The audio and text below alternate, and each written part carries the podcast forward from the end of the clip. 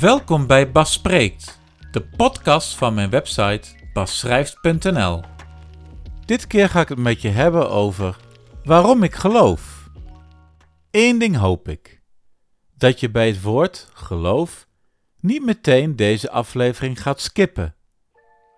Want dit onderwerp is er eentje die gevoel kan opwekken, positief of negatief. Ik ga het met je hebben over het christelijk geloof. Hoe is dat bij mij gegaan? En ik wil je hierover iets persoonlijks meegeven. Als ik het met je heb over het geloof, dan kan het zijn dat je tegen me zegt: Daar wil ik niets van weten. Of je gaat doorvragen. Aan het eind van het gesprek denk je verder na of je wat aan het gesprek hebt. In mijn hart hoop ik dat je zover komt dat je je hart bij God kunt leggen en dat je het discipelschap van de Heere Jezus aanneemt. Maar één ding moet duidelijk zijn: elk gesprek dat ik voer, of elke aflevering die ik opneem, jij bent zelf degene die bepaalt of je voor God kiest of niet. Even goede vrienden is wat ik dan vaak zeg. Vroeger ben ik gepest en daarbovenop heb ik epileptische aanvallen gekregen. Je kunt gerust zeggen dat mijn leven hierom draaide. Ik was jarenlang, laat ik het anders zeggen, bijna twee decennia lang depressief, negatief en mijn zelfbeeld? Ach, ik kon mezelf niet in de spiegel aankijken. Ik geloofde niet in mezelf. En wat deed ik eigenlijk op deze aarde? Ik was toch maar een nietsnut. Mensen hebben me kapot gemaakt. En daar waar ze me wilden hebben, hadden ze me. Behandeling hier, behandeling daar. Het veranderde niets. Tot ik bij een christelijke psycholoog terechtkwam. Via haar ben ik naast alle gesprekken de goede kant opgestuurd naar de juiste mensen. In mijn verhaal van de kaart geveegd, wat je kunt lezen en beluisteren, hoor je hoe dit allemaal is gegaan. Dat ik bij de Alpha-cursus tijdens het Heilige Geestweekend opnieuw God in mijn hart heb toegelaten. Haat, verdriet, depressie, negatief zelfbeeld. Het verdween en alles werd liefde, warmte, eigenwaarde. Op dat ene moment tijdens de preek gebeurde het. Tjak! Opeens komt de Heilige Geest in je. Die komt als een soort herborene weer terug. Iedereen zei: Bas, wat is er met jou gebeurd? Ze kenden me niet meer terug. Zo opgeruimd was ik. Hé, hey, maar hoe leg ik dit nu verder uit? Dat kan ik alleen doen door de belevenis te vertellen. Datgene wat er in 2019 is gebeurd. Op het moment dat ik in die toespraak zat, kon ik mijn hart eindelijk openen en de geest van God, de Heilige Geest, kon erin. Daarvoor moest wel eerst alle negativiteit aan de kant geschoven worden. Dat is een hele opgave. Maar het gebeurde op die dag. Ik kreeg het opeens heel warm, maar wel prettig warm.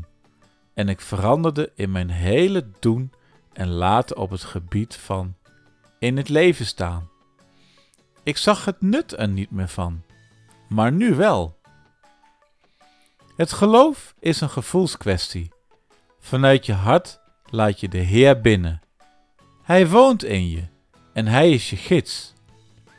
Maar weet dat, ook al ben je christen, de duivel ook achter je aan zit. Elke dag is er één waaruit je kunt kiezen tussen goed en kwaad. En wat je voor kwaad doet, merk je ook de consequenties van. Voor het goede geldt hetzelfde natuurlijk. Ik kan de wereld niet veranderen. Niemand kan dat.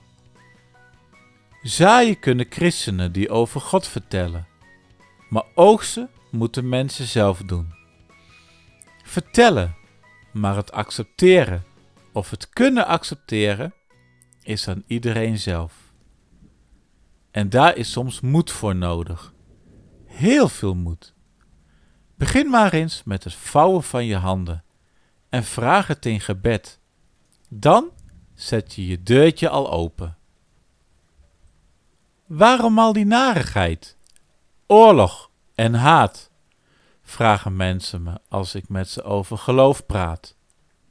Weet je, beste luisteraar, ik kan je één ding vertellen. Er is een God en een duivel. Elke dag bepaal je zelf wat je doet in goed of kwaad. Er is een eeuwig koninkrijk met God. Velen geloven dat niet. Maar weet je, mijn gebeurtenis kan ook de jouwe zijn. Als je de liefde van God voelt, ga je er anders over denken.